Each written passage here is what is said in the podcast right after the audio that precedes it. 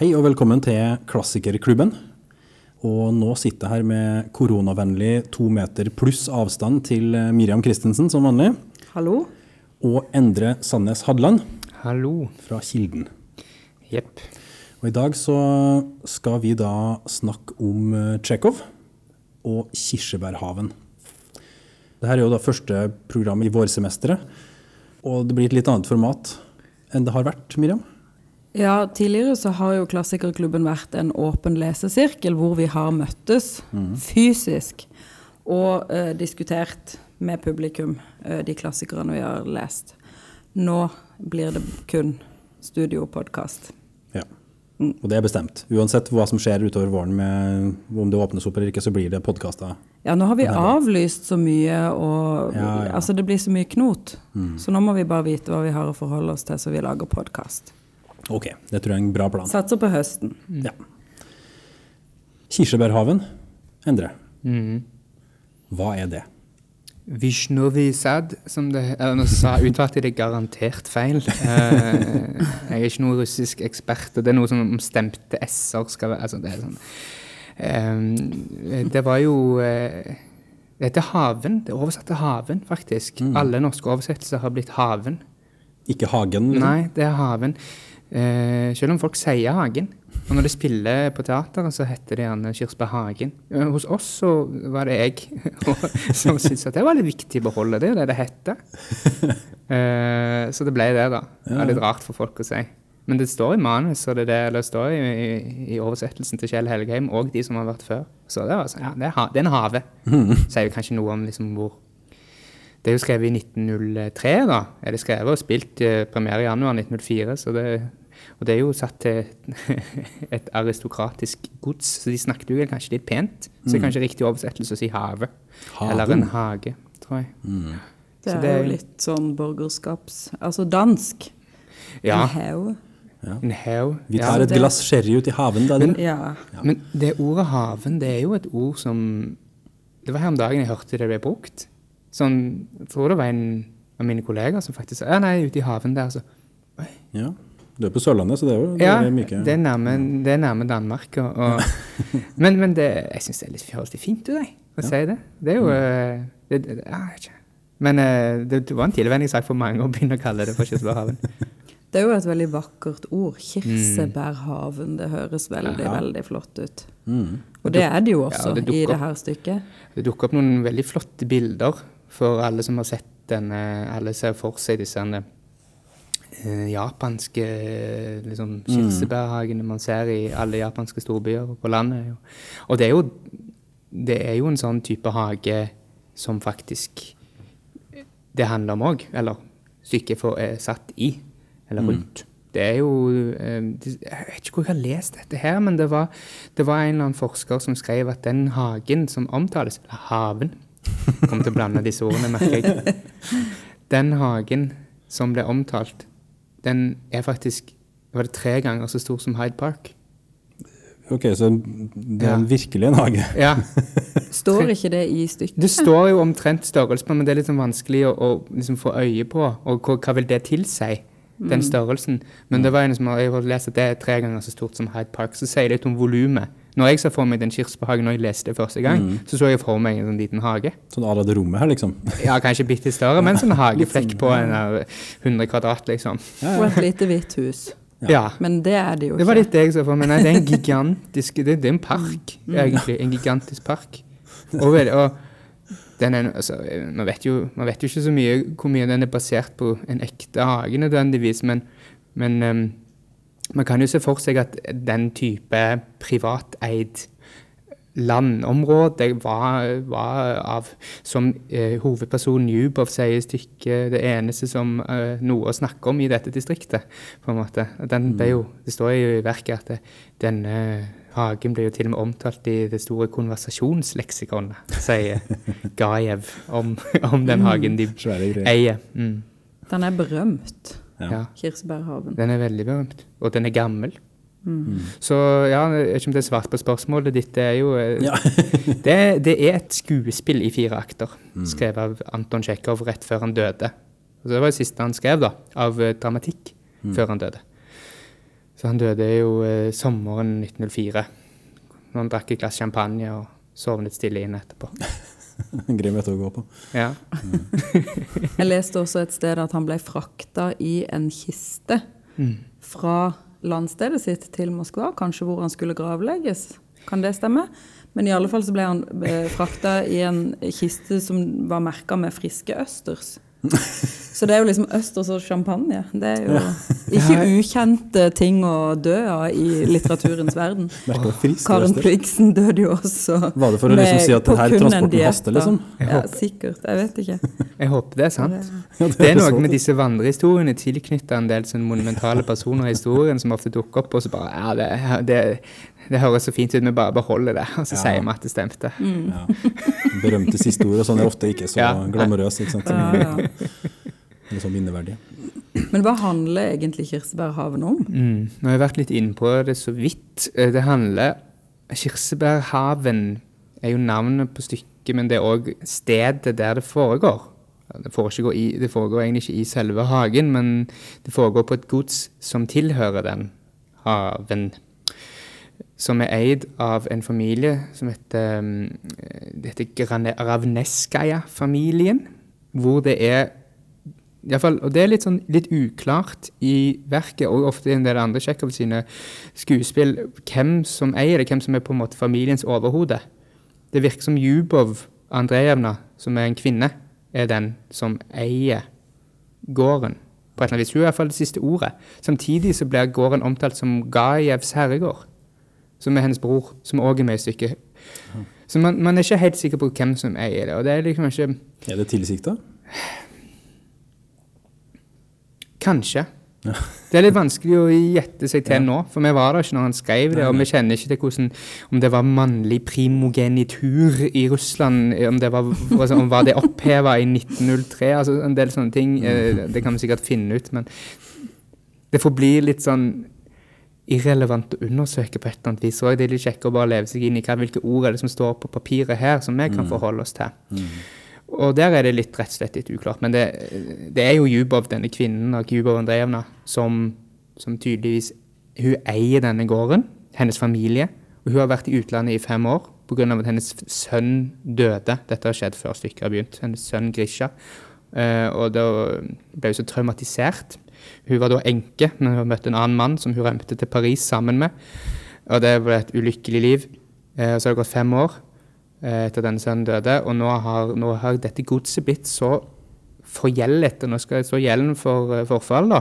Eh, så nå, kom, nå reiser søsteren Anja, nei, datteren Anja, datteren i huset og hele familiens øyesten, reiste til Paris for å hente henne hjem, for at nå må de fikse dette her med den gjelden, ellers så blir huset solgt på tvangsauksjon. Og godset, hele godset, inkludert Kirsebærhagen.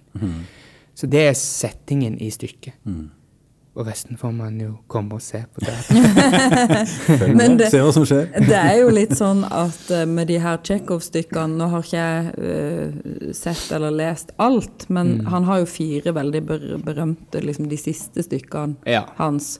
Uh, 'Måken', 'Onkel Vanja', 'Tre søstre' og 'Kirsebærhaven'. Ja, du sa det faktisk i helt riktig rekkefølge òg. Oh, Ikke tilsikta, men jeg burde latt som. uh, og når du sier det at altså, settinga er at godset skal selges på tvangsauksjon, så, så er jo det litt sånn det, det, er det, det er på en måte premisset, men så er det jo også allerede avklart i det stykket begynner, at det kommer til å bli solgt på tvangsauksjon. Så det er liksom ikke noe spenning knytta til det, egentlig. Og det er jo hele Tsjekhovs litt sånn metode, eller hva en skal si, da. At uh, her er det ikke Det er ikke bygd på intriger og på handling og dramatikk, de her uh, stykkene hans. Det er sånne ensemblestykker hvor det er mer stemninger mellom eh, personene, og det som skjer mellom eh, menneskene som, som står i fokus. da. Veldig mye følelser, egentlig. Ekstremt masse følelser. Og så syns jeg jo også det er interessant at han uh, Tsjekhov la veldig opp til hele tida at han skulle, hans stykker skulle spilles som komedier. Mm. Og så ble de bare lest som drama. Mm. Altså ikke tragedier, kanskje, men, men liksom mellommenneskelig drama og litt tårer og litt Mm. alvor. Og det syns han var helt uh, pyton, da. Tror det handla litt om tiden han levde i òg.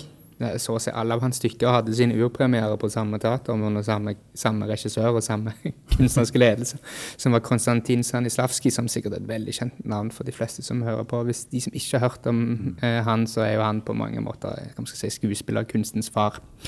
Eh, dagens eh, i Vesten, da. Metode. Ja, metode, altså hele den um, Jeg har hørt om method acting er jo en avart av, av det som Stanislavskij metode, hans fysiske handlingers metode, da, som det het. Men og, og, han var jo veldig opptatt av det tragiske. Og han var veldig opptatt av, av, av at man skulle kunne se se lidelsen menneskene gikk gjennom, og derved kunne få oppleve denne katarsis som Aristoteles har vært ute etter. liksom Gjennom å kunne speile seg i disse her, liksom denne smerten og følelsen, de store følelsene. Det er jo veldig russisk òg. Ekstremt stort. Uh, og, og, det var jo ofte en kilde til konflikt mellom Tsjekhov og Stanislavskij. Tsjekhov ville ha det litt lettere? liksom? ja, han syntes det, ble melodramatisk og, og tåpelig. Han hadde en sånn historie om at han hadde blitt så sint på Stanislavskij på premieredagen av, av Kirsebærhagen fordi Anja, som er denne datteren, da, hun gråt så mye. Og, da, og, det, og, og, det, hadde han blitt så sint for. Det står aldri at hun gråter. Det står at hun, hun, hun feller tårer av glede. står det. Ah, ja. ja. Og derav så, så, så, var de eh, nok veldig uenige i, i liksom hva historiene var. Men det var jo kanskje Tsjekhovs styrke òg som forfatter. at han, han, var det, det hans prosjekt var å, å, finne glede gjennom tårer, som han sa. Mm. Og det hadde han jo utvikla over en lang periode. Altså Jeg tror han det var uunngåelig for han å, å, ikke forsøke å skrive litt morsomt i all den tragedien òg.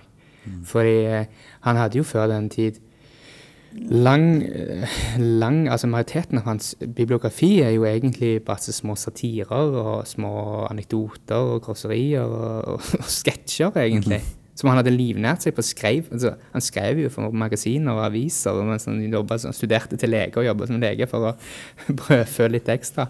Det var jo eh, Det var bare blått til lyst da. Mm. Men så ble han jo såpass stor at eh, altså, han ble ansett som en stor dramatiker, og da ble det med en gang veldig mye mer alvorlig. Men mm. han beholdt den underfundigheten. og den en sånn Kjell Helgheim beskriver det som en menneskelig komedie, han som oversatte oversatt det. En eh, komedie humaine, som er egentlig et Balzac-begrep, tror jeg. Men, men, men, han oversatte det der, da. Mm. Syns jeg passer veldig fint. Det ordet komedie, det mm. Altså Divina Comedia. Det er ikke spiller særlig komisk, den heller. Det, altså, altså, så det er mulig vi legger noe litt annet i det begrepet nå. enn um, Nei, ja, komediebegrepet, hva er det? Jeg tror ikke vi vet det i dag heller. Nei. altså, Aristoteles skrev veldig om komedie. Eller han gjorde det, men vi vet ikke hva han skrev. han skrev om tragedie, det vet vi veldig godt. Mm. tragedien kjenner vi til. Så det kan vi masse om. Den har vi jo i sin helhet. Og der har vi gjerne bare antatt at komedien må være sånn som vi oppfatter den dag. Og så, og så hadde jeg liksom litt gått litt tapt på veien, fordi òg det vi kjenner av Aristoteles, er òg oversettelser som ble gjort på, på 1500-1600-tallet mm. i Italia. Uh, så det er jo sånn, det har blitt fortolket så mange ganger på en måte at vi, vi vet jo ikke hva han skrev, men vi forholder oss til begrepene mm. som om vi skulle kjenne de som baksiden av vår egen hånd. Ikke sant? Som Oversatt fra gresk til latin til italiensk til norsk. Og, ja, det er jo litt sånn. hvor mye sitter vi igjen med? liksom? Men vi vet jo veldig, vi, vi kjenner ja, jo til tragedien da, og poetikken til Aristoteles. Den kjenner vi jo til. og Sånn sett så passer ikke denne, dette stykket inn under hans beskrivelse av en tragedie. Det gjør det ikke. Nei. Men eh, siden du nevner Aristoteles, han hadde jo en uh, klar tankegang om dramaturgi. Mm. Du er jo dramaturg. Ja, ja. Hvordan er liksom det, altså, Du Miriam nevner jo at det er mest de indre livene til karakterene. Hvor, hvor finner du spenninga? Er det spenninga i intrigene mellom dem, å lære å kjenne karakterene? Er det der vi, der vi er, liksom? Uh, og det, det, det, oh, dette, dette, er det mest spennende å snakke om. Um, Sa dramaturgen. Ja, jeg syns dette er utrolig interessant å snakke om. Um, men det Både ja og den innehar de kvalitetene Aristoteles etterspør, og absolutt ikke. Altså, han bryter jo Det, det du nevnte, Miriam, det at, um, med at det, det, er jo mest det mellommenneskelige. Mm. Samtidig så er det en handling i Kirsebærhaven. Den handling, Tre søstre er litt mm. mer, den er litt mer handlingsfattig viktig på et eller annet vis. Det er litt mer små episoder. Men det er en overordnet kurve i Kirsberghaven. Det er det. Som er dette kirsbær, denne kirsebærhagen, dette godset, vil bli solgt på tvangsauksjon hvis man ikke gjør noe. Det er jo hele premisset, som du sier. Og, og i det, det er ikke så ekstremt spennende nødvendigvis, men Nei, det fungerer det... som en rød tråd hele tiden som man ja. henter inn. da. Og så forstår man jo at Nå er det litt spoiler, da, men det er ikke så viktig. Men man forstår jo ganske fort, man forstår det allerede helt i første akt, at um, de kommer aldri til å klare dette. Ja, dette det, klarer de jo ikke. Det er jo nettopp det. At du går ut med en sånn med et premiss, og så, er, og så slår det Det slås på en måte i hjel helt fra begynnelsen av. Du forstår med en gang at de aldri kommer til å selge det godset på den måten som denne kjøpmannen Lopakin? Lopakin, ja. Er det det han heter? Ja. Alle disse russiske navnene. Eh, Lopakin, kjøpmannen, han er jo en sånn ny, den nye tidens mann, ikke sant, som har slått Mm. seg opp på å være kjøpmann fra en litt lavere stand. Og som da foreslår at kirsebærhagen skal stykkes opp til tomter. Altså hogge ned alle trærne. Det er jo veldig aktuelt. Det er jo det som skjer i Oslo og i andre Er det ikke dette som skjer hele tida? Det skjer jo her. Ja, det skjer her. Det skjer hvor som helst. Altså Man skal hogge ned alle trærne, stykke opp til tomter, bygge sommerhus. Ja. Eh, Eller leiligheter, så- som det heter i dag. Eller leiligheter, ikke sant. Kompleks, leilighetskompleks. Så det er jo noe med at eh, eh, akkurat i denne her eh, konflikten så ligger jo den der eh, den gamle og den nye tiden og disse her samfunnsendringene og sosial stand og, og, og alle de temaene. Og de får vi jo en sånn følelse at eh, eh, adelsstanden, de de skal aldri forandre seg eller endre på noe, på en måte. De er litt sånn fortapt. Og de skjønner ikke at å, her ligger det en mulighet. For det, altså, kirsebærhaven er jo omtalt i konversasjonsleksikonet. Det kan jo aldri endres på. Du kan ikke gjøre det om. Det må bare være sånn som det er De til jo, evig tid. ja, og de er jo alle født og oppvokst der. Mm. Og alle i stykket er jo tolv karakterer. Det er, egentlig, det er jo egentlig det er 14 egentlig. Nei, 15 egentlig, men eh, de andre tre er ikke så viktige. Det er jo den forbipasserende poståpneren og stasjonsmesteren er jo òg med. Eh, Poståpneren. ja, ja. Mm. men eh, de tolv andre karakterene er jo alle tilknyttet dette godset på et eller annet vis. Emosjonelt, alle sammen. Eh, eller jobb og, eller stedsbundet. Altså, enten jobber de der, eh, bor der, eh, har vært bodd der før, eller bor i nærheten. Eller, altså, alle har en eller annen form for tilknytning. Så, så Hagen blir en slags, det er jo òg en slags karakter. Det er jo den karakteren det egentlig dreier seg om. Som bare, den, den forblir taus, da. Uh, den, kan ikke, den kan ikke gjøre noen ting. Den representerer jo virkelig den avmakten som er tiden. Og tidens ånd og tidens utvikling, på en måte. Uh, og Lopaken Lopakin er, altså, han er jo den eneste i hele stykket som kan man si, egentlig får noe til å skje òg. Og det er jo veldig tsjekkovsk. At det er jo ingen, de gjør jo aldri noen ting. Det er veldig mange planer som faller i, Ja. i vasken hele tida, og veldig mye sånn kjærlighet som Mm. går i en retning hvor det bare blir møtt av tomhet. Altså alle er jo alltid forelska i noen, men det blir aldri gjengjeldt, Mm. og det er alltid sånn ulykkelig kjærlighet. Altså, veldig russisk, det her. det altså. er, ja, veldig russisk og veldig modernistisk litteratur, litteratur, veldig. tenker jeg. Hvor på en måte all eh, Altså endring er, er ikke nødvendigvis mening. Endring er bare endring. Tida bare går. Det syns jeg er ganske tydelig i de stykkene. Ja, uh, og som liksom setter en helt ny eh, type sånn dramatikk, vil jeg jo tro, da, i teatrets historie, da. Ja, ja, I motsetning til disse realistiske, mer sånn realismestykkene og Ja. Ja. Og Ibsen var jo, hadde jo vært de årene før, og i Russland, vært ekstremt stor. Sånn at han, var, han var jo virkelig det hot, the hot shit, på en måte, da. The hot shit. Og, og spesielt den Ibsen som, som, som handla om noe, ikke sant? Den der eh, liksom Kall det realismen om du vil, men den, de stykkene som hadde en veldig sånn Den ytre handlingen er viktig. Altså det som skjer, sier noe om den tiden vi lever i, og de menneskene som vi har der. Mens i Tsjekhovs altså Det er rart at Tsjekhov og Ibsen ofte sammenligner så mye, for de er ekstremt forskjellige i sin litterære stil på mange måter. Altså Ibsen utvikla seg kanskje mer retning Tsjekhov jo eldre han ble.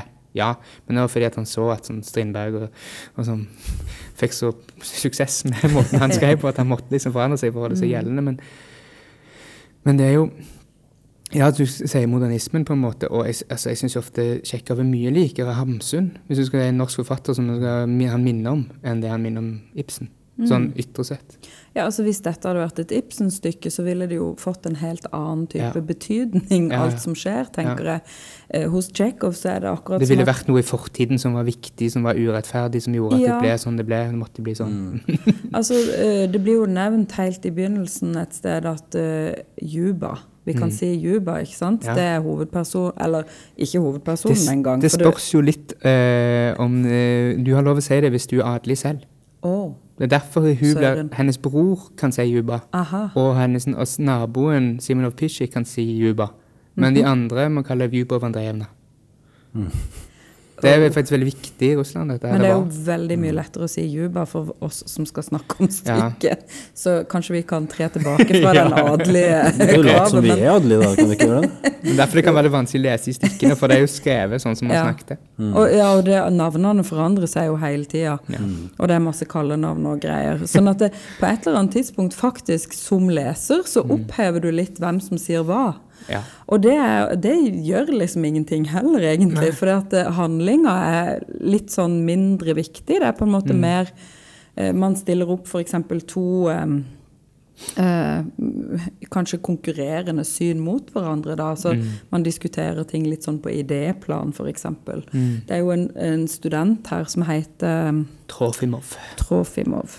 Og i eh, fjerde og siste akt så er det en eh, sånn utveksling av to forskjellige syn på ting mellom han og Lopaken, kjøpmannen, som er ganske morsomt. Eh, han Trofimov han sier at eh, om du så tilbyr 200 000, så tar jeg ikke imot. Jeg er et fritt menneske. Alt det som dere andre verdsetter så høyt, både rike og fattige, det har ingen makt over meg. Ikke mer enn et fnugg som svever i luften. Jeg kan klare meg uten dere. Jeg kan overse dere. Jeg er sterk og stolt. Menneskeheten skrider fram mot den høyeste sannhet, mot den høyeste lykke man kan forestille seg her på jorden, og jeg marsjerer i første rekke. Ganske, hvordan skal man levere en sånn replikk som skuespiller? Men det er ganske morsomt å lese, da. Og så sier han Lopakin da at eh, farvel, kjære venn, på tide å bryte opp. Vi krangler og gjør oss viktige, og imens glir livet forbi. Når jeg arbeider hardt uten stans, da blir tankene lettere, og da har jeg følelsen av at jeg vet hvorfor jeg lever. Tenk på alle de menneskene her i Russland som lever uten å vite hvorfor. Nå vel, det kan være det samme. Det betyr intet for det store kretsløp. Yes. Det er ganske bra definisjon av modernismen, da. Egentlig. Så det er egentlig forskjellen mellom Ibsen og Tsjekhov, tenker jeg. Absolutt. Kommer i den siste replikken der. Jeg tror nok at Tsjekhov er veldig mye bedre på å ikke dømme folk. Dis, altså han, han, han, han elsker de i deres feilbarlighet. Det er ikke noe moral, Nei, liksom. egentlig ikke. Altså, Man ser jo at sånn som Trofimov der, den talen der, og han har òg en tale i slutten av andre akt som er sånn, veldig kjent. da. I mm, starten av, av, av etter revolusjonen altså, så var det et sterkt ønske fra bolsjevikene å gjøre Trofimov til stykkets helt. Ikke sant? Han representerte jo liksom eh, den nye tid og kommunismen veldig sterkt. Det er veldig tydelig parallell. altså det er Kjempetydelig. Så, men den strider jo litt imot for at han er litt patetisk i tillegg. sant? Han er litt sånn, han er jo, han, han bare, han også bare snakker. Han snakker om arbeid hele tiden, men han arbeider ingenting. Han bare snakker. Han er jo Han har ikke tatt eksamen engang. Nei. Nei. sånn, Han har ikke gjort noen ting. Han har ikke som Jub- Juba sier til han, altså du har ikke levd. En mann i din alder, ikke engang en elsker. Så det er jo liksom temaet han som har disse vidløftige idealene, er jo bare en Det sier jo Jubais ikke. Du er jo bare det som vår firs ville kalt en tåpe. Det er litt interessant å sitte i 2021 og lese den fremskrittstrua i 1904 og vite hva, hva, hva det kommende århundret skulle ha å by på. Ja, det, må, altså, det, er helt, det er helt det er virkelig spesielt. Jeg føler litt sånn gåsehud faktisk. Jeg tenker det så nær det er jeg. Men, men, men det er jo, dette var jo virkelig begynnelsen av modernismen, som en nevnte. Eller av moderniteten, da. Altså Darwin og Freud og Marx og altså, Det var jo det, Første verdenskrig satt jo stoppet Ja. veldig mye og starta Ja. en mye nytt. ikke sant? Ja, ja. Så det var jo på en måte det Alle disse tankene Det var først nå at folk bodde i byer og tok, ble akademikere og fikk tid til å sitte og tenke. Ikke sant? Eh, Var det så lurt? Ikke bra.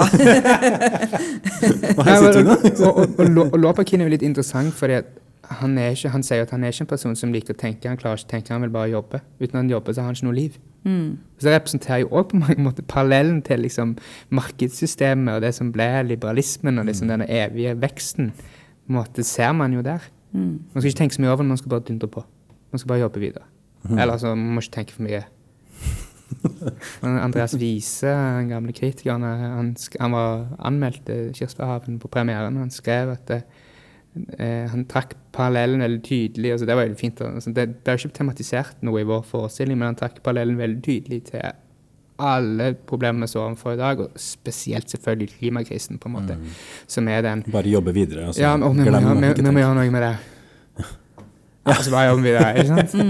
Det er ekstremt menneskelige ting. Sant? Og Ja, det å forandre seg er jo det vanskeligste vi gjør på med som mennesker. Når vi er 22 år gamle, så er frontallappen grodd igjen, og vi klarer ikke å forandre oss. Da er det over. Det Herlig. er over, liksom. Da er det Ja. over. I en alder av 22. Da har man kanskje ikke rukket å gjøre så Nei, mye har smart. kanskje ikke gjort så Det var en deprimerende tanke. Det har vært over toppen for ganske mange år. Jeg vet ikke om det er nøyaktig 22, 22, 23, tror jeg det. Men, men, men, Nei, men det er Nei, det Tsjekhov han, han dømmer jo ikke folk for det, det at de ikke klarer å forandre seg. Sånn, han sier bare at dette, han mener jo ganske tydelig at det er litt sånn det er, og det må man bare elske. Det får vi heller ikke For det forandre. Nei, det er menneskelig. Det er det som, er det som gjør oss til mennesker, mener jo han. da. Mm. Og Man ser det jo kanskje i Tre søstre, så ser man det virkelig tydelig. Sant? Det er jo enda mer sånn de bare drømmer, drømmer, drømmer. drømmer. Det skjer jo, altså, Over alle de årene det stykket foregår, så skjer det jo ingenting. Du reklamerer godt for det her. Nei, men Det er helt fantastisk måten de snakker om det, Ja, ja. og måten de lever livene så våre, altså, mm, Alt opp til dette Tsjekhov skrev, og egentlig hele modernistiske prosjektet, var jo så mettet av litteratur som handla om noe. Som var så fullt av liksom eh, Enten det var liksom eh, problemer under debatt, som Georg Bande snakket om, eller om det var liksom middelalderske gudespill, liksom, så var det store, monumentale ting, og det var liksom handlingsfortettet. Så vi var jo vant, Folk var jo vant med den måten å fortelle historier på. Hvis det ikke var en handling som ga mening til meg, så var det ikke verdt å fortelle. Men livene våre er jo ikke sånn. Nei. Majoriteten av tiden vår gjør vi egentlig ikke så veldig mye. Og det beskriver Tsjekhov helt fantastisk. Altså det der, og det er sånn flettverket av dialog du snakker om, det at du trenger ikke vite hvem som sier det. Det er et sånn veldig fint bilde, for det, det er, sånn, det er bare stemmer som overlapper hverandre. Så henger noe litt sammen, og så flyser det ut igjen. Det er sånn et par steder i, stykket hvor de Eh, de, de, de står og så snakker, og, og så er det sånn dypt, går de langt inn i dype ting, og så sier jeg bare sånn Ja, jeg var så et stykke teater i går, det var veldig morsomt. Så bare hopp over noe helt annet. Så alt det andre var liksom ikke viktig. Sånn som Og så er det jo, der er jo også et veldig øh, fint øyeblikk helt mot slutten, hvor det burde, da, ifølge karakterene, skje et frieri. Ja. Som bare fisler ut i ingenting, ikke sant? Og ja, du må fri til Ja, jeg skal gjøre det. Og så kommer den vedkommende som da skal fris til, inn, og så blir det en snakk om noe helt annet. Og så bare forsvinner hele frieriet. Altså det- ut i løse lufta.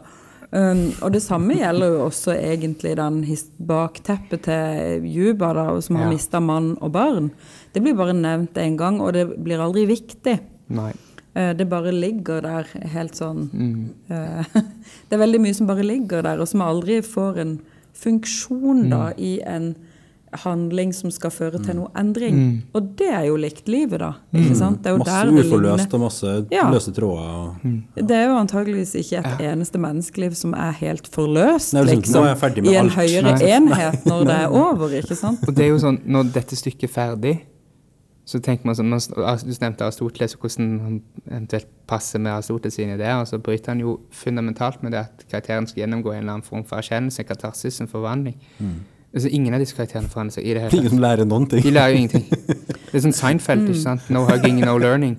Det, men det er sånn uh, Temaet sånn Altså Ja, gården blir Nå, nå spør jeg. Det er jo denne Lopakin som ender opp med å kjøpe det. da. Han gjør jo den ganske voldsom. Den eneste hendelsen av, som er aktiv handling som forandrer på hele premisset. Men han blir han, han er fortsatt like elendig i kjærlighet, liksom. Som han sier. Det der, han leker jo, Tsjekhov leker jo med våre forventninger òg, som lesere og som tilskuere. Sånn de konvensjonene vi er vant med. Med de eh, spenningsstrukturene som har blitt beskrevet opp og ned i evigheter. på en måte. Nå kommer til fjerde akt, og nå Dette er kjærlighetsforholdet mellom Varja og, og Lopakin som de snakker om hele tiden. Nå ja, nå skal jeg fri, nå skal jeg fri. Så forventer man jo at man får den, den romantiske slutten der, at de faktisk frir. Og jeg opplevde det når jeg var på teater og på premieren. at det, folk, folk som ikke kjenner stykket ja, nå, nå, altså sitter de spent, liksom. Nå skjer det endelig noe.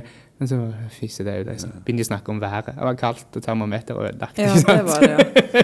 Det var termometeret som var ødelagt, ja. Stemmer det. Men våre liv er jo Så fortsetter de å vente på Godot. Ikke sant? Ja, Ja, ja, ja. Jo, jo, men altså, altså Beckett er jo tydelig inspirert av, uh, av, av dette stykket, kanskje spesielt. Det, Ja. det har jeg hørt at han var. Og det kan man se.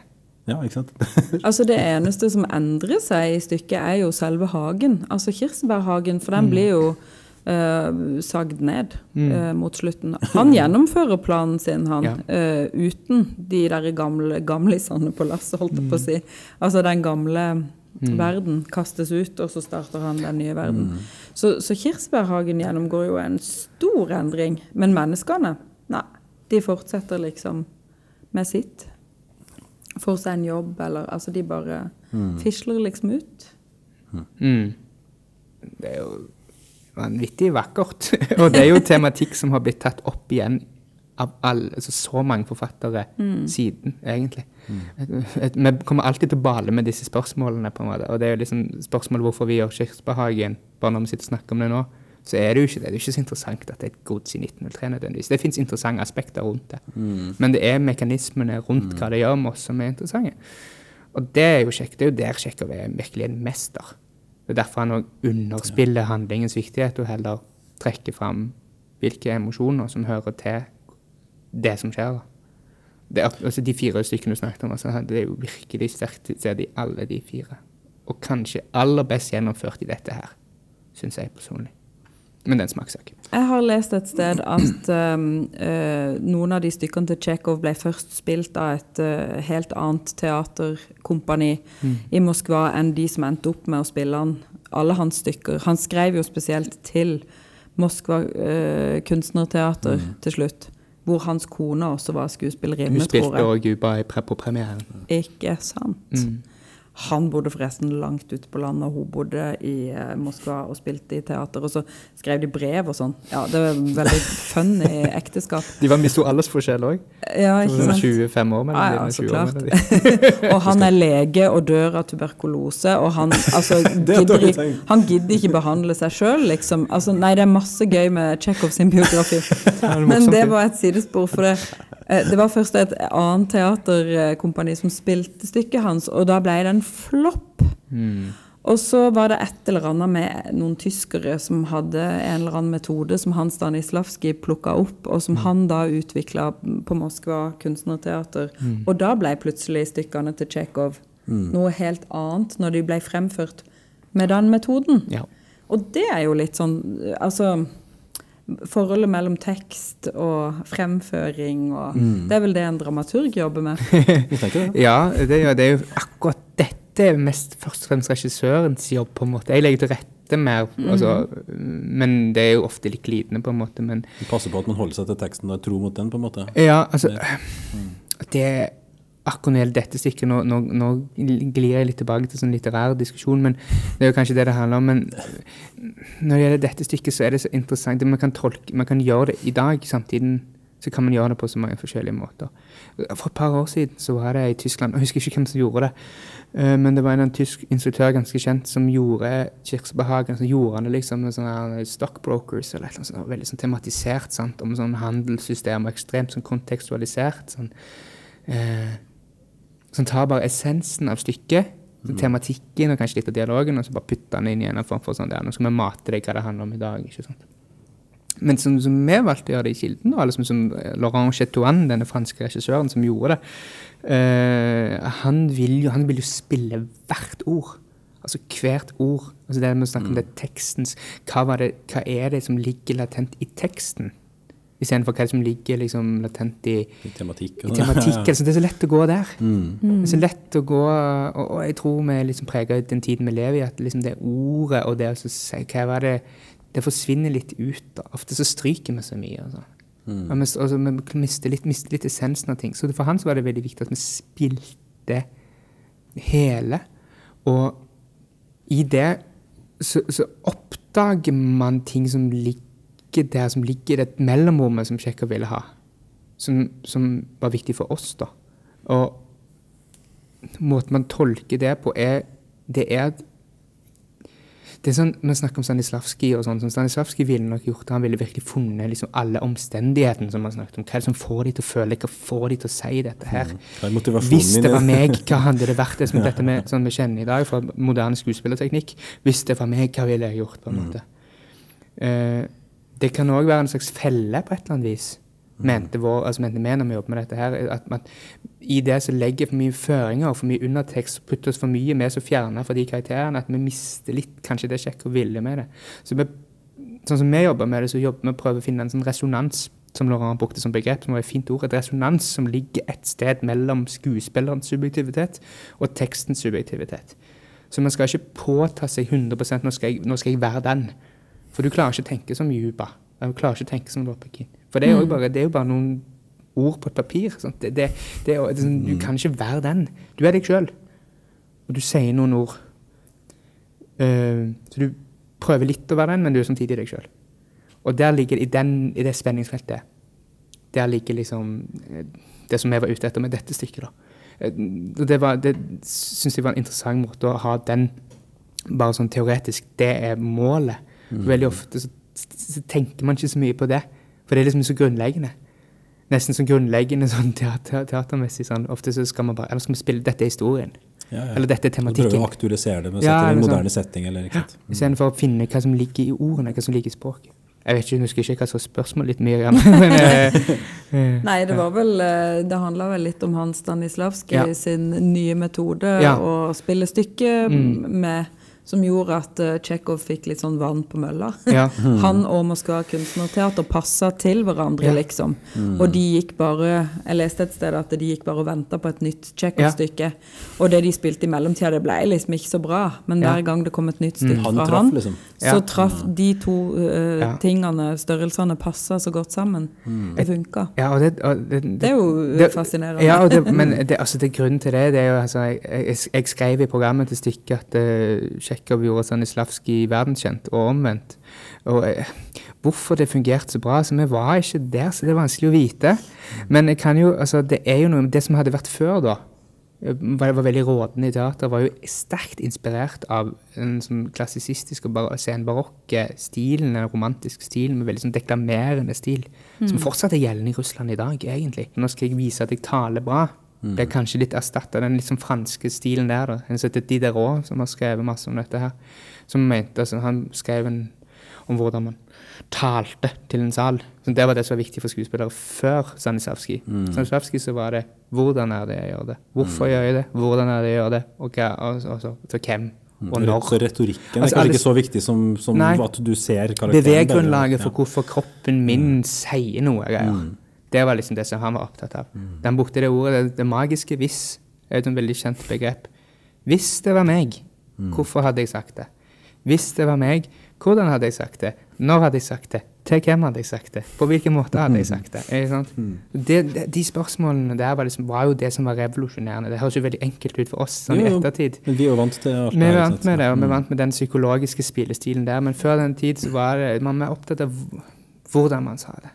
De hadde to, gjerne ofte to ukers prøvetid på et stykke. Eller ofte mindre. Når Ibsen var teatersjef i Bergen, så hadde han sånn to ukers prøvetid ca. Ja, så det var, det var viktig å få ordene ned på papiret, og så, hadde, så, så måtte han skrive inn sceneanvisningen. Osvald inn fra høyre, holdt på å si. Ja, ja, Derfor han skriver sånn han skriver. For han klarte ikke å la være. Så det var sånn han var vant med å mm. skrive.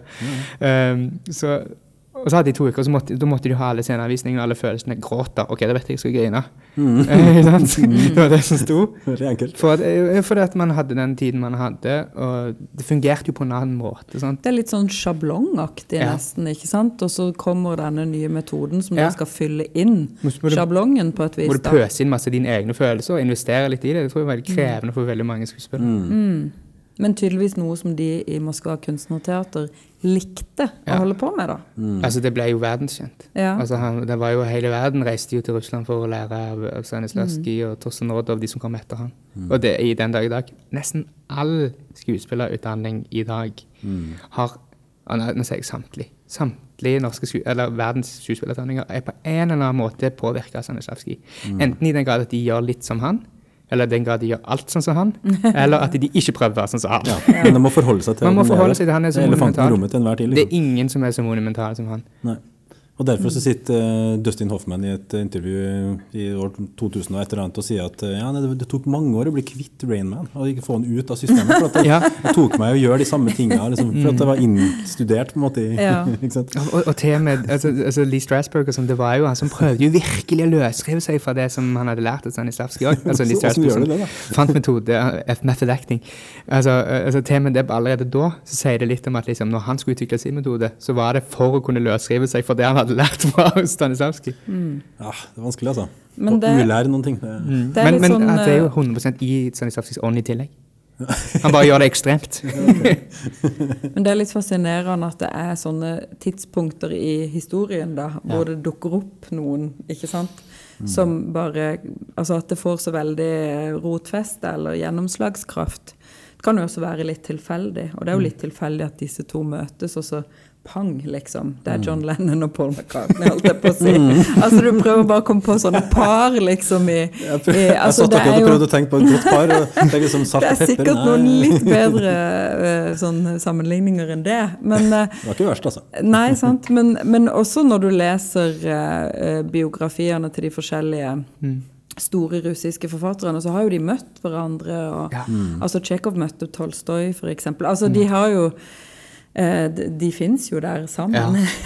og det glemmer man jo ofte, man liksom bare ser den ene sånn. Mens Ja. disse to, da, Tsjekhov og, og Stanislavskij, de er liksom så Altså den påvirkninga, den ble sånn eksplosiv, da. Det er jo veldig sånn fascinerende. Og det er jo som du nevner også, Endre, at det, altså, Tsjekhov kan godt hende at han leste Hamsun, ikke sant?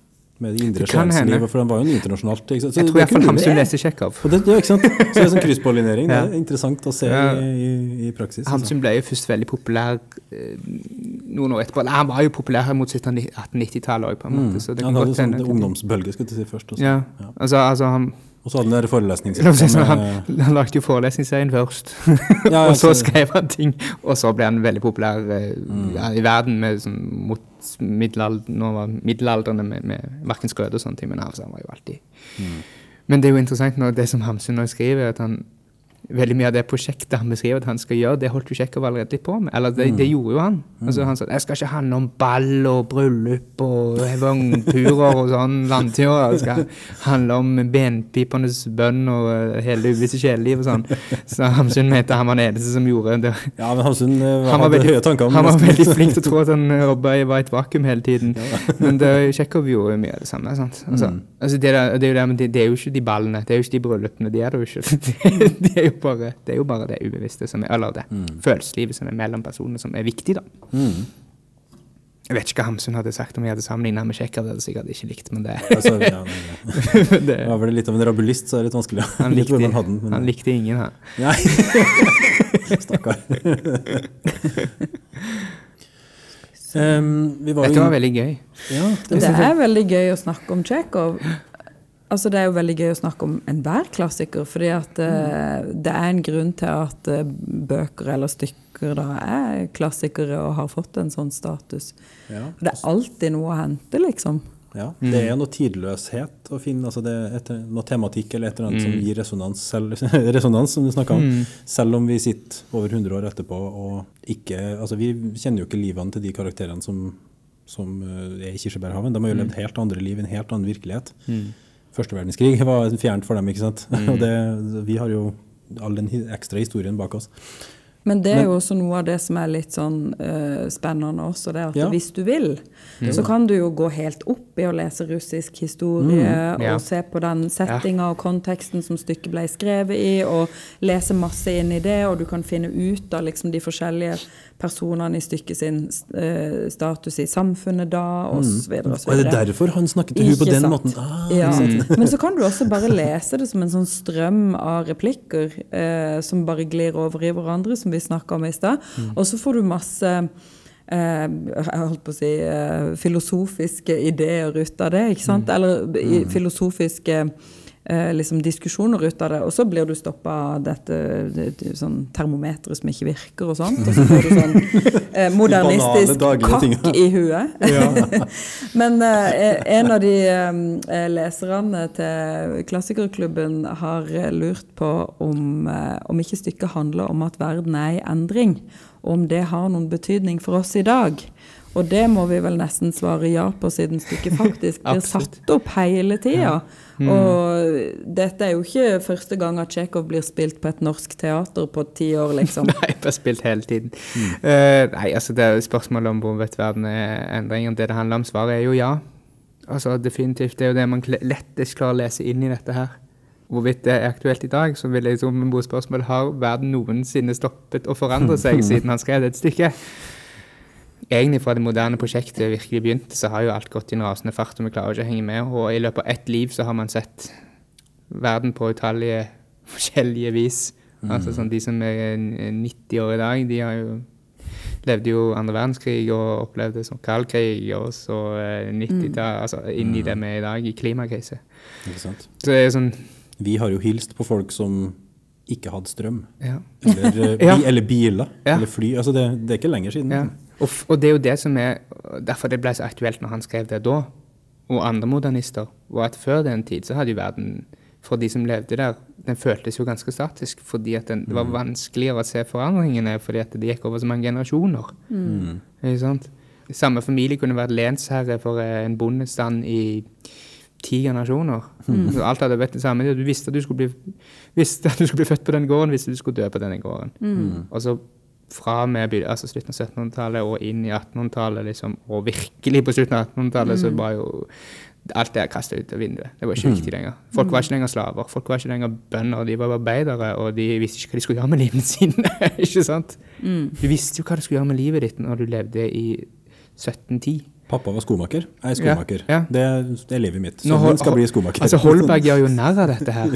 Når, du, altså, Holberg altså, når han skrev, så gjorde han jo narr av de som prøvde å være noe annet enn det, det, det Molière. Det de var født Ja. Mm. sant? Han, han liksom, trakk fram det som en, det dydsmønster å bli ved din lest. Mm. Eh, og det var jo ikke så mulig å bli ved din lest lenger i 1903. Lesten var vekk, liksom. Hva, hva, ja, hva lest har du? Nei, jeg er en Ja. Det var et eller annet, nå Ja, vet jeg jeg vet ikke helt hva jeg heter til navnet Jeg vet ikke hvor jeg kommer fra. jeg vet ikke hvor familien Charlotta i stykket eh, i Kirsebærhaven er et godt eksempel på denne. Denne ikke tilhører noe sted. Hun er en liten sidekarakter, den minste karakteren i hele stykket, men hun er så ekstremt, sier så sykt mye om den tiden, den der usikkerheten, at du ikke vet noe om din egen identitet. Hun sier jo i starten av andre 'Jeg vet ikke hvor gammel jeg er, jeg vet ikke hva jeg heter', eh, og 'jeg vet ikke hvor jeg kommer fra'. Det er litt radikalt. Ja, altså hun, foreldrene, hun, vi vet at hun vokste opp på et sirkus, eh, omreisende sirkus, og foreldrene var utøvere, og hun slo saltomortale og gjorde tryllekunster. Men etterpå det så døde de, og så vet hun ikke hvem. Men hun tror fortsatt at hun er ganske ung, som hun sier. Men, men hun vet ingenting annet. Hun vet ingenting om seg selv. Og det var jo helt det var, Men Tsjekhov eh, var jo også eh, en som opplevde en sånn klatring ja. med sin familie. For Ja, jeg hans- tror hans farfar var eh, eid av en Ja, eller annen far. sånn Hans far. Tsjekhov var ja. født det året før Før eh, livegenskapen. ble oppheva. Altså, livegenskapen i Russland, den, den loven, den eh, revolusjonen som tsar Aleksander gjennomførte, var i 1861. Tsjekhov var født i 1860. Så han var født slave, i realiteten. Ja. Så han opplevde jo det, den usikkerheten fra barndommen av nå, nå er vi plutselig frie. Hva vil det si? Så da er de kjøpmenn, ikke sant? Ja. Kjøpmannsfamilie. Mm. I motsetning til mange av de andre store russiske forfatterne som jo tilhører adelsstanden. Ja. og Tolstoy, for eksempel. Tolstoy hadde jo et eget gods, og Sikkert en egen kirsebærhage, altså. antagelig. Ja, så Tol- Tolstoy representerte jo virkelig altså, altså hans generasjoner før han hadde jo vært adel. Han hadde vært adel hele, hele, hele hans Og derfor hadde han tid å, til å kunne sitte og egne seg til å skrive og mm. dille med det. Mm. han var ikke så verst da, til det, han heller. Men, eh, men han hadde iallfall muligheten. Det hadde vært interessant å se hvordan um, Tsjekhov hadde reagert på um, de neste ti årene i russisk historie, f.eks. Ja. Hvordan ville han ha håndtert revolusjonen, og kanskje årene etter spesielt? Da. Det er vanskelig å vite hva han tenker. Han Ja. tok liksom aldri parti i noen ting. Han, var- han var litt sånn apolitisk. Ja. Eller det er kanskje det som kjennetegner veldig gode forfattere, og de som overlever tidens tann, er at de ikke nødvendigvis er så verken fordømmende eller mm. de, er ikke, altså de, de, som sier, de, på, de er åpne og tar ikke så mye parti. De ser mennesker og ser beveggrunner til alt. Mm, peker Syns- på noe universelt hele tiden. Ja, å syns det. Ja. Og det syns jeg eh, Ibsen òg gjør, på sin måte. da. Selv om det er veldig mye mer sånn konkret, dette med Lukkehjem f.eks., sånn, så er det jo så er jo det en grei konkret hva han mener, mener der, men samtidig så, så har han jo en sånn han, han viser jo en menneskelighet til Thorvald der òg. Thorvald han, han sier jo at 'jeg skal prøve, jeg skal gjøre det, men jeg vet ikke hvordan'. Veldig ærlig, da. Altså, ja, ja, men han er jo helt ubehjelpelig. Han er jo stykkets dott, ikke sant? på en. Men, men i, i det òg så er han det på en måte antagonisten, men han er samtidig ikke noe, han er ikke noe ond, liksom. Eller, sant? Så det, så, og derfor sånn som Ibsen har overlevd og bli så stor. Jeg tror jeg også fordi at han ikke altså, han, gjorde, han gjorde, kokte det ikke ned til veldig enkle ting, syns jeg. Mm. Da nærmer vi oss jo egentlig det som kan bli sluttargument her, da. Altså, det- hvorfor skal vi lese Tsjekhov i dag? Hvorfor skal vi lese Tsjekhov i dag? Hvorfor skal vi ikke lese Tsjekhov i dag? Eh, Men hva er det han har å gi oss nå, i 2021? Som, vi har jo vært inne på det, ikke sant? men eh, Altså, kan vi få oppsummert det på et eller annet? Jeg synes jo eh, Nå driver jo vi og leser klassikere her og holder på med det hele tida. Og det som er sånn aha-opplevelse hver gang, da, eh, er jo nettopp det her med endring.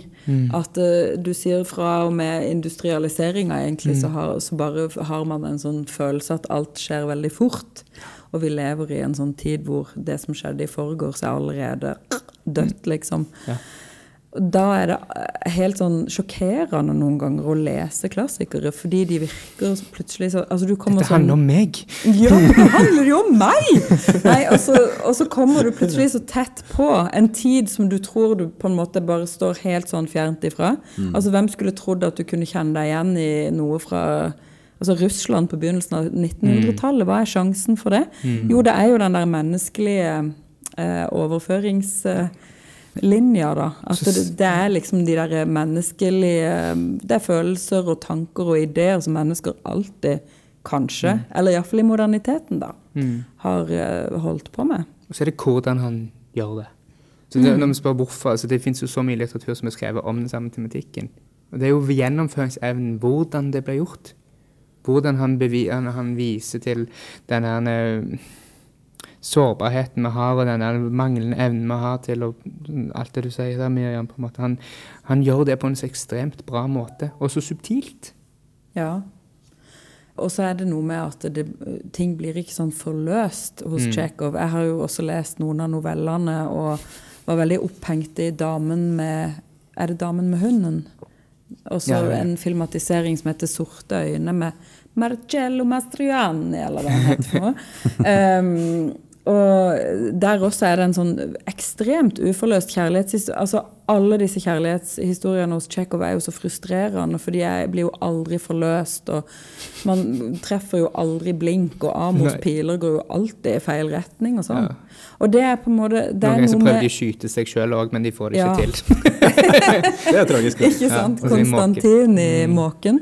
Nei, altså det er noe med at det da eh, ligner på eh, virkeligheten. Altså det ligner på det ligner på et ekte menneskeliv, og, og er ikke bare disse her sjablongene som er stilt opp for å få fram en moral, f.eks.